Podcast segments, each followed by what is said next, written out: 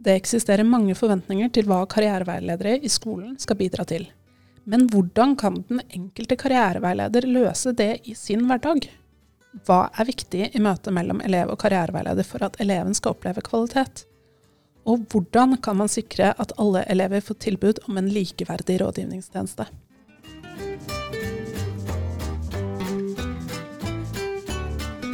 Hei, og velkommen til Veilederforumpodden, en podkast fra Direktoratet for høyere utdanning og kompetanse. Mitt navn er Mari Torbjørnsrud, og jeg er en av fagredaktørene for veilederforum.no, et nettsted for deg som veileder om utdanning, jobb og karriere. I dagens episode av Veilederforumpodden skal vi snakke om skolens rådgivning. Det er HKDIR som har det faglige ansvaret for karriereveiledningen i skolen, mens UDIR har ansvaret for lov og forskrift og den sosialpedagogiske rådgivningen. De faglige begrepene karriereveiledning og karriereveileder benyttes innenfor fagfeltet på tvers av sektor, og refererer til samme tjeneste som i opplæringsloven, hvor begrepene utdannings- og yrkesrådgivning og rådgiver brukes. I denne episoden vil vi bruke begge disse begrepene. I denne episoden skal vi møte en som er opptatt av at alle elever får en likeverdig karriereveiledning, og som i en årrekke har forsket på rådgivning og karriereveiledning i skolen. Førsteamanuensis Ida Holt Mathisen ved Nasjonalt senter for læringsmiljø og atferdsforskning ved Universitetet i Stavanger. Ida har skrevet doktorgradsavhandlingen 'Balansekunst skolens rådgivning i møte mellom kontekstuelle, relasjonelle og politiske forventninger', om rådgiverrollen i skolen, og hvordan skolens rådgivning formes i møte med sammensatte forventninger. I doktorgradsarbeidet sitt undersøkte hun spennet som rådgiverne står i mellom forventninger og ressurser. Hei, og velkommen hit, Ida. Hei. Kan du innledningsvis fortelle litt om doktorgraden din? Hva er temaene og funnene? Ja, det Jeg har jo skrevet en avhandling som handler om um, egentlig hvorfor og hvordan uh, rådgivningen i skolen blir som den blir. Hva er det som skjer ifra Eh, man eh, på politisk hold setter noen forventninger, eh, og hva som skjer på veien mot at dette blir praksis. Um, så jeg har sett på hvordan disse rådgiverne står i, i spennet mellom mange forventninger, og som du sa, mellom knappe, knappe ressurser og store forventninger. Og, og, jeg lurte veldig på hva det er som fører til at praksis blir som den blir. For jeg jo, har jo forska på dette temaet eh, lenge. Og jeg, jeg satt jo med en følelse når jeg skulle starte på doktorgraden, at her var det noe som ikke var helt uh, klart. Altså, vi hadde pekt på mye ting i feltet, uh, men likevel så, så jeg, klarte jeg ikke å se helt hvorfor uh, karriereveiledningen ble som den ble i den enkelte skolen. Så det var, det var der undringen starta. Jeg vet at du eh, møtte en eh, rådgiver som hadde, hadde et utsagn som først demotiverte deg litt, og så motiverte deg. Kan du ikke fortelle litt om det? Ja. Um, det var bare to uker etter jeg, var, jeg hadde begynt på doktorgraden min. Så jeg var ganske uh, Jeg var veldig i startfasen, og jeg var litt uh, på leiting da, etter hvor jeg skulle ta dette. Og da var jeg på besøk på en skole, og da var det, det var en lærer som, sa, som lurte på hva det var jeg skulle forske på. Og når jeg sa at jeg skulle forske på rådgiverrollen i skolen, så satte hun blikket i meg. Jeg var en ganske streng eldre dame, dette her. Så hun satte blikket i meg, og så sa hun at men det er jo det minst interessante i hele skolen. Og det Først så lurte jeg jo på om jeg kanskje bare skulle legge ned hele doktorgradsprosjektet og finne noe annet å skrive om. Men etter hvert kom jeg jo fram til at det er jo nettopp derfor det er veldig viktig å forske på dette temaet. Nettopp fordi at det går noen lærere eh, rundt og tenker at rådgivningen i skolen ikke er viktig. For, eh, for, sånn som jeg ser det, så er, kan rådgiverne og karriereveiledningen de, eh, i skolen de kan eh, utgjøre en veldig stor forskjell for elevene. Så tenkte jeg det, det å ha, klare å, å, finne deg en vei og vite hvor du skal, det gjør ganske mye med motivasjonen din for å lære. Så jeg tenker at eh, de har en veldig viktig funksjon. Og så er det noen, noen skoler har fått dette veldig godt til, mens i andre skoler så er det nok mange karriereveiledere og rådgivere som er litt ensomme i oppgaven sin. Den læreren som du refererer til her, det er jo kanskje en av de den eldre garde som har et litt forhåpentligvis utdatert syn på, på rådgivning. Eh, og sånn som du var inne på, så du har forsket lenge på skolens rådgivning. Hvilke endringer ser du på feltet i løpet av den perioden du har holdt på? Oh, jo, det, det, er jo ganske mange. Men, uh, men jeg, jeg tror nok at uh, den aller største endringen handler nok om en, en bevissthet i, i, samfunnet og i politikken på hvor viktig karriereveiledning er, og, og hva slags funksjon den kan ha. Da. For vi har jo, altså sånn som dere i HK, dere som har jo eh, tatt over dette fagansvaret. Dere har utvikla et kvalitetsrammeverk. Det er kommet ganske mye eh, politikkdokumenter, ikke minst den NOU-en i 2016 som gjorde veldig eh, Som satte eh, karriereveiledningen eh, på kartet, så å si, da, for, for veldig mye, mye skoleutvikling. Så jeg tenker at den aller største endringen har nok skjedd på, på det nivået, i tillegg til at vi jo har utvikla et forskningsfelt i Norge på eh, karriereveiledning. Så tror jeg at det har skjedd mye utvikling òg eh, i praksisfeltet, men der tror jeg at spennet er veldig mye større. Der tror jeg at det er noen som har tatt gode grep eh, og, og tatt inn mye av det som har foregått her på politikknivået. Eh, men så tror jeg òg at det fortsatt er mange som gjør karriereveiledning sånn som de alltid har gjort det. Det har også vært en endring i hvordan man ser på eh, eh samfunnets behov og individets rett til å ta frie valg, eller det, det, er et fokus som kanskje har kommet mer og mer i løpet av de årene du har holdt på. Hvordan ser du på, det dilemmaet, eller ser du på det som et dilemma? Ja, altså Jeg syns jo det der er en veldig interessant diskusjon. For dette med Når vi drev og forska på dette med kjønnstradisjonelle yrkesvalg og karriereveiledningens rolle i forhold til å motvirke de, så, så argumenterte man jo veldig for at man ikke måtte røre ved de frie, individuelle valgene.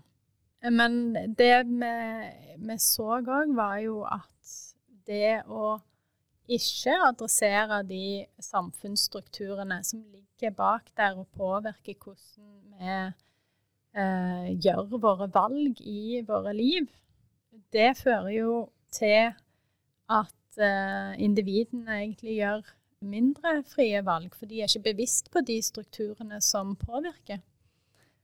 Og dermed så bidrar jo òg eh, karriereveilederne til at eh, disse strukturene blir eh, reprodusert. Eh, fordi at man ikke eh, Individene blir bevisste da, på, på de strukturene.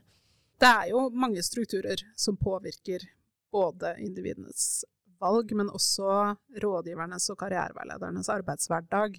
Og du har forsket på rådgivningstjenesten i relasjon til lokale forhold, politiske føringer og elevens behov. Hva var funnene dine når det gjelder eh, påvirkning fra lokale forhold? Nei, men eh, jeg ser jo det veldig at når man har litt vage politiske retningslinjer for uh, hva karriereveiledning i skolen skal være, så åpner det opp for veldig mange lokale tolkninger. Og lokale tilpasninger det er helt nødvendig for at man skal kunne tilpasse karriereveiledningen til det behovet som er. Men det muliggjør òg at hvis det er veldig sterke lokale forventninger, f.eks. For fra en stor bedrift i, i, lokalsamfunnet som ønsker seg en spesiell type kompetanse, så får de en mulighet til å påvirke hva som blir på en måte oppdraget som karriereveilederen eh, velger å svare på. Da. Fordi at det er, eh, det, det er en gruppe eh, altså Karriereveilederne har veldig mange forskjellige forventninger, og de kan ikke innfri alle på en gang. Det går bare ikke. Så de må prioritere, og de må velge. Og i møte med veldig sterke lokale forventninger, så, så kan jo da f.eks.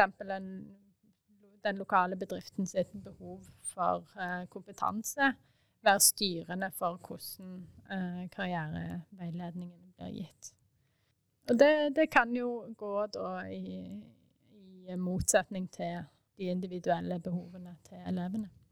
Men lokale forhold, det kan også være innad på eh, en enkelt skole, eller altså Ja, det har jo òg eksempler på eh, mindre skoler der man er, er trua av nedleggelse, f.eks.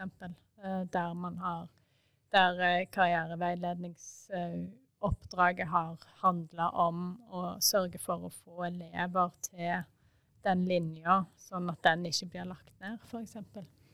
Og det tenker jeg at da, da har vi noen utfordringer i forhold til hva, hva skal egentlig karriereveiledning være, og hvem er det for? Er det, er det karriereveiledning for den skolen, eller er det karriereveiledning for elevene? Det er viktige spørsmål, da. Men uh, hva er funnene dine når det gjelder politiske føringer? Jo, uh, da gikk jeg jo helt konkret inn og så på dette med delt rådgivningstjeneste. For der, uh, det har jo vært et ønske fra politisk hold i mange år at den skal være, skal være, delt. Altså at karriereveiledning og sosialpedagogisk rådgivning skal være fordelt på to forskjellige personer. Så jeg undra meg veldig over, selv om dette hadde vært et ut, en uttalt uh, ønske i ti år, så var det likevel bare halvparten av skolene som hadde uh, innført det. Så jeg lurte på hva det var som gjorde at det var tross alt såpass mye motstand. Vi er jo vi er jo egentlig ganske gode i Norge til å gjøre sånn som myndighetene sier vi skal.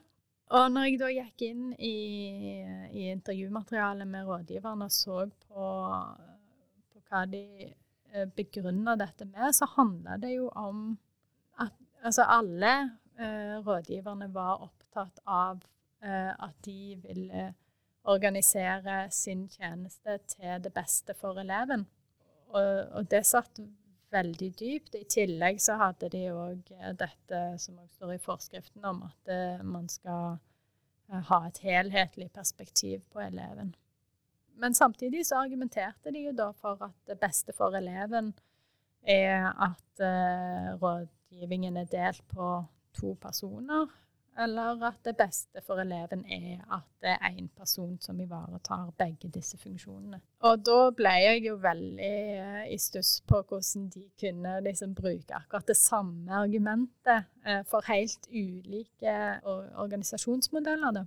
Men det jeg da eh, så, var at de baserte dette både på egne verdier, men òg på hvordan de så for seg at delt rådgivning i praksis kunne bli gjennomført på skolen. Og i skoler der de var gode på samarbeid i utgangspunktet, så så man tydelig at det var mulig at én eh, hadde karriereveiledning og en annen hadde SOSPED. Og så kunne de samarbeide om å ivareta hele eleven. Skoler der de hadde mindre tradisjon for uh, samarbeid, f.eks., så så de ikke at det var mulig å ivareta hele eleven ved deling, da. Sånn at de ønska at det skulle være én person som hadde begge rollene. Og så var det jo òg de som, eh, som, opplevde at eh, det sosialpedagogiske tok veldig stor plass, og som, som stjal eh, plass måte fra karriereveiledningen når de hadde begge rollene, og dermed ønska seg at det var delt for å måte kunne prioritere mer karriereveiledningsbiten. da. Og det å, og de snakket òg om dette med å bli, klare å bli god på én ting. Å spesialisere seg som rådgiver. da. Kunne uh, få kompetanseheving på karriereveiledningsfeltet. da. Jeg syns det er interessant at en av uh, indikasjonene på eh, om man er for eller mot delt rådgivningstjeneste, er hvor god man er til å samarbeide. Men, men, så dere på om det var andre variabler som spilte inn, altså størrelse på skolen eller by eller land eller den type ting? Ja, altså Det er jo klart at uh, det, er jo, det, er jo, veldig begrensa ressurser til karriereveiledning i skolen. Og um, ved større skoler så har de jo Altså ressursen i forhold til antall elever er jo den samme, men da har de jo til sammen en større rådgiverressurs. Så er det klart at på en, en skole der man kanskje bare har 40% til rådgivning, så blir det jo ganske problematisk å dele den på to personer, og så er det to personer som har 20% hver. Da har du en ganske lav andel av arbeidstida di til å drive dette arbeidet. Mens på større skoler, særlig store videregående skoler, sant, der har de jo gjerne to fulle stillinger bare til karriereveiledning. Så, sånn at det, det, er klart at skolestørrelse det spiller jo inn på hvor mye ressurs du har, og hvor mye ressurs du har, eh, har jo òg en betydning for hvordan man kan organisere det på en fornuftig måte. Hva er funnene dine når det gjelder hva som er viktig for elevens perspektiv i møte med karriereveileder? Når er det eleven opplever kvalitet? Jo, det var, det, det var ganske interessant å gå inn i de elevintervjuene. Uh, jeg har jo snakka med over 70 elever, og, og, det de snakker om, er jo at um, det å føle seg eh, sett, føle seg hørt uh, i møte med, med rådgiveren, det, det, er veldig viktig for at de skal oppleve et godt møte. Da. Så det er jo For elevene så er det egentlig viktigere å bli møtt på de behovene som de har, enn å nødvendigvis liksom, få den konkrete informasjonen om en eller annen skole eller en linje. For nå er de jo ganske vant med å kunne finne informasjon. Men hvis de kommer til rådgiveren med noen utfordringer eller noe de vil drøfte, så ønsker de jo selvfølgelig å bli møtt på sitt uh, behov. Og det å ha en imøtekomme elevene med en måte, anerkjennende holdning, da. Der du ser og hører eh, og kobler deg på deres behov. Det var det egentlig elevene trakk fram som det aller eh, viktigste for dem. Ble du overrasket over at det relasjonelle er så viktig? Nei, jeg gjorde jo ikke det. Det er klart at i alle menneskemøter så er jo det relasjonelle veldig viktig. Men um, jeg ble kanskje egentlig mer overraska over at, at, det å ikke eh, oppleve å bli sett og hørt, at det førte til at elevene mista egentlig tillit. Og ikke bare tillit til den ene rådgiveren som de traff der og da, men òg tillit til at andre rådgivere var verdt å oppsøke. Og det tenker jeg at det er, det er jo en ganske sånn bekymringsfull um, effekt som, uh, som, jeg tenker det er, er veldig viktig å tenke på da, når, når karriereveilederne møter elever. At det møtet òg eh, har en betydning for elevens framtidige møter med karriereveiledere eller andre hjelpeinstanser. Ja, absolutt. I forlengelse av eh, det vi har snakket om nå, hva anser du som kjernekompetansene til eh, rådgivere? Ja, det, det er et veldig godt spørsmål. Nei, men altså Jeg tenker jo at den evnen til å kunne koble seg på eh, eleven og møte eleven der som, som eleven er, eller veisøkeren, da det er en veldig viktig kompetanse. Men så handler det jo òg om at hvis man har en bred kompetanse på eh, karriereveiledning og på forskjellige metoder, eh, så har du jo òg et, et, større eh, repertoar som du kan velge mellom i det møtet. Så kan du hente Så hvis du har liksom en god grunnleggende kompetanse, så er det lettere å gjøre de justeringene i selve samtalen som gjør at eleven opplever seg sett og hørt. Eh, det er jo det også Det å stille spørsmål tilbake til eleven er jo f.eks. en teknikk som man, man, ofte bruker. Men man må vite når eh, eleven er mottakelig for de spørsmålene. For det er jo, det er jo elever som har eh, fortalte oss at uh, jeg ble egentlig bare mye mer forvirra av uh, å gå til rådgiver, for uh, jeg fikk jo bare masse spørsmål. Da er det ikke helt måloppnåelse, kanskje? Nei, det er nok ikke det. Men i, i doktorgraden din så bruker du begrepet improvisasjon. Og det kan man jo kanskje bli forleda til å tenke at liksom er noe lite kompetente rådgivere eller fagpersoner eh, tyr til, men det, det, er ikke sånn du ser det.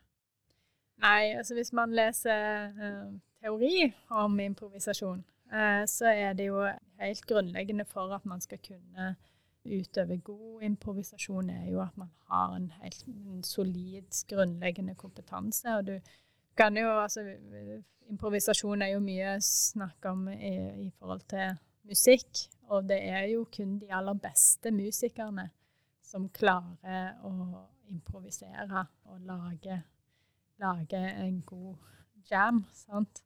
Eh, og det samme er i profesjonsrollen. Du må ha en veldig solid kompetanse og være trygg på den kompetansen du har, for å kunne bruke den til å eh, lage det som, er, som, eh, man da kaller for situasjonsmusikalitet. Sant? At du klarer å anvende de teknikkene og den kompetansen du har, for å lage et godt møte som flyter godt, og som eh, møter mm.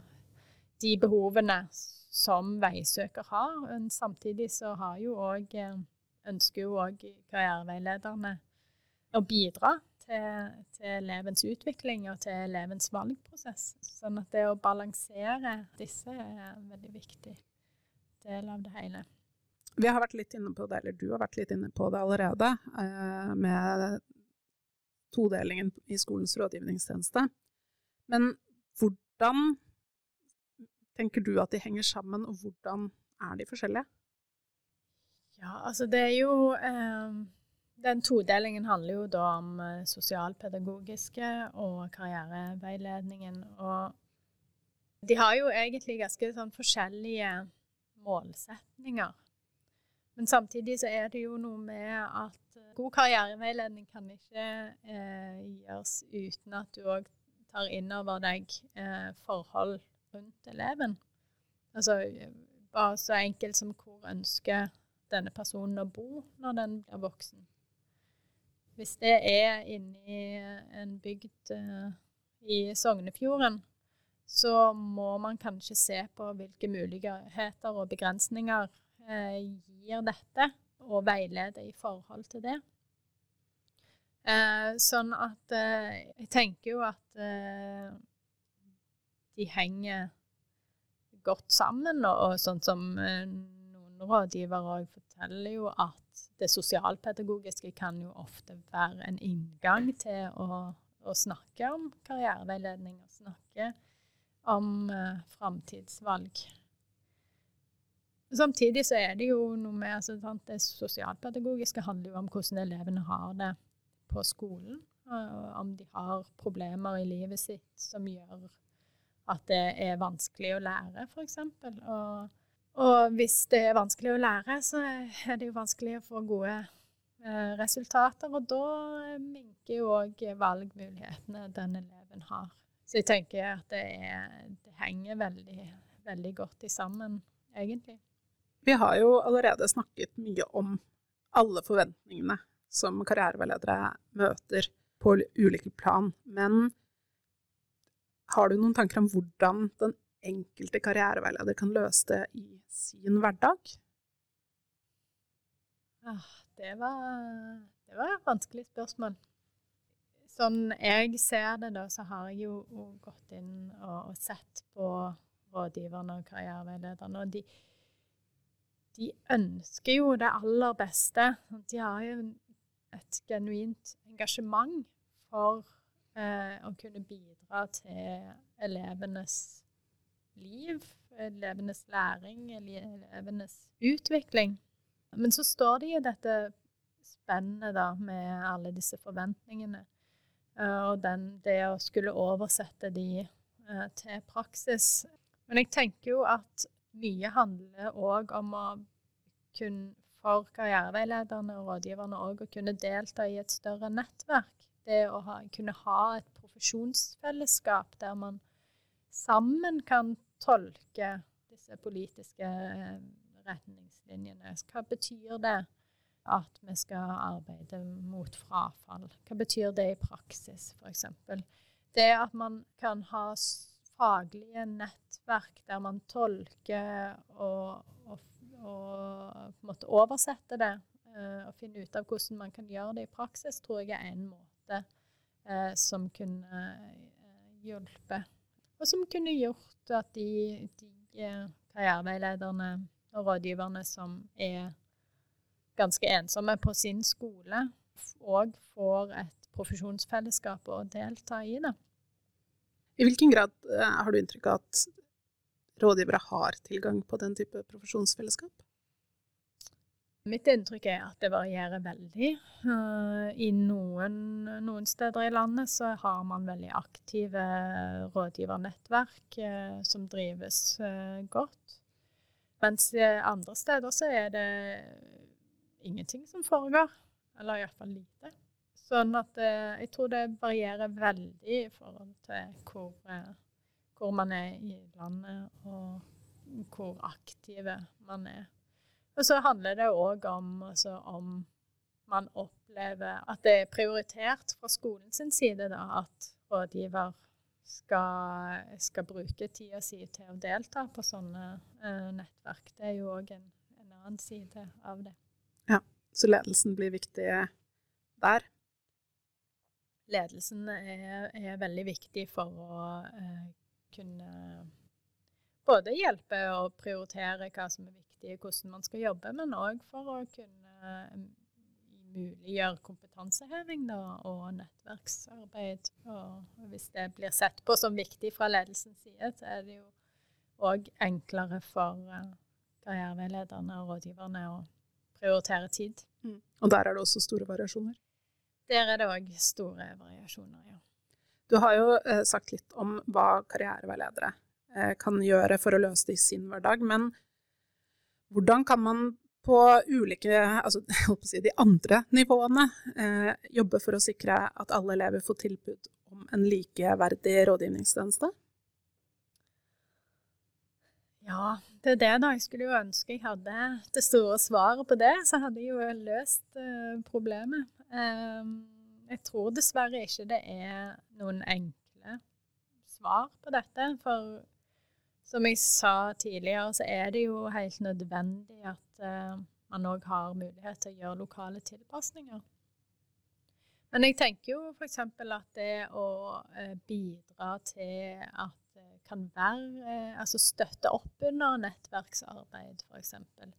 Eller at uh, direktoratet er tydelige på at uh, man forventer en deltakelse i sånne typer nettverk, eller at skoleeierne uh, har en rolle i å bygge det profesjonsfellesskapet på tvers av skoler. At det, det, vi kan nok ikke tenke at vi bare skal legge det på den individuelle karriereveilederen i skolen. For uh, de har jo jammen meg ganske mye å håndtere allerede.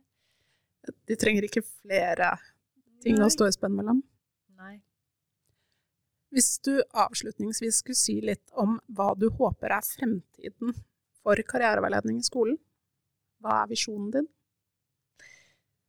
Jo, jeg, eh, jeg ser jo på karriereveiledning som eh, noe som kan være en viktig kjerne i skolen. Sant? For det, dette handler om elevenes motivasjon, og læring. Det å kunne vite hvor du skal i livet, det hjelper òg med hvordan du eh, ser relevansen av det, det som du holder på med akkurat nå.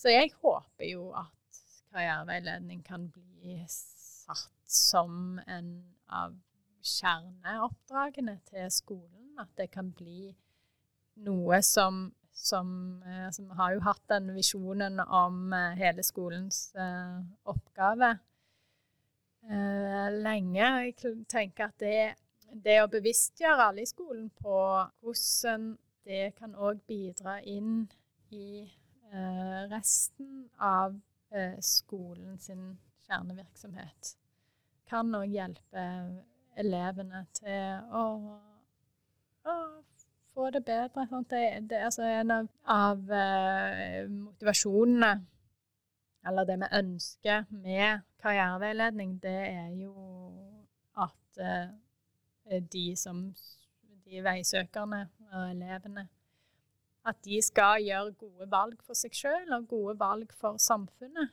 Uh, og det er klart at det En karriereveileder klarer ikke nødvendigvis å få til det på en kvarters eh, samtale i, på et kontor. Sånn at eh, vi, må ha, vi må ha mange aktører som eh, snakker om dette på, på, ulikt vis, som kommer med små drypp, eh, og som bidrar inn i elevenes eh, karrierelæringsprosess, da, hvis vi skal kalle det det.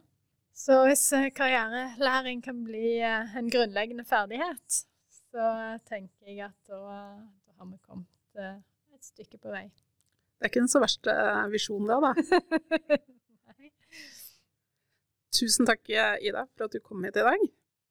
Eh, og satte ord på det som sikkert er veldig gjenkjennelig for mange av dem som arbeider med rådgivning og karriereveiledning i skolen. Funnene dine vil jo ha ulike implikasjoner om man jobber i praksisfeltet eller med politikkutforming. Men det er uansett viktige funn å ta med seg videre, og en fin visjon å ta med seg videre òg. Eh, jeg håper at dette har vært nyttig, og ikke minst inspirerende for dere som har hørt på. Takk for i dag. Takk for at jeg fikk komme.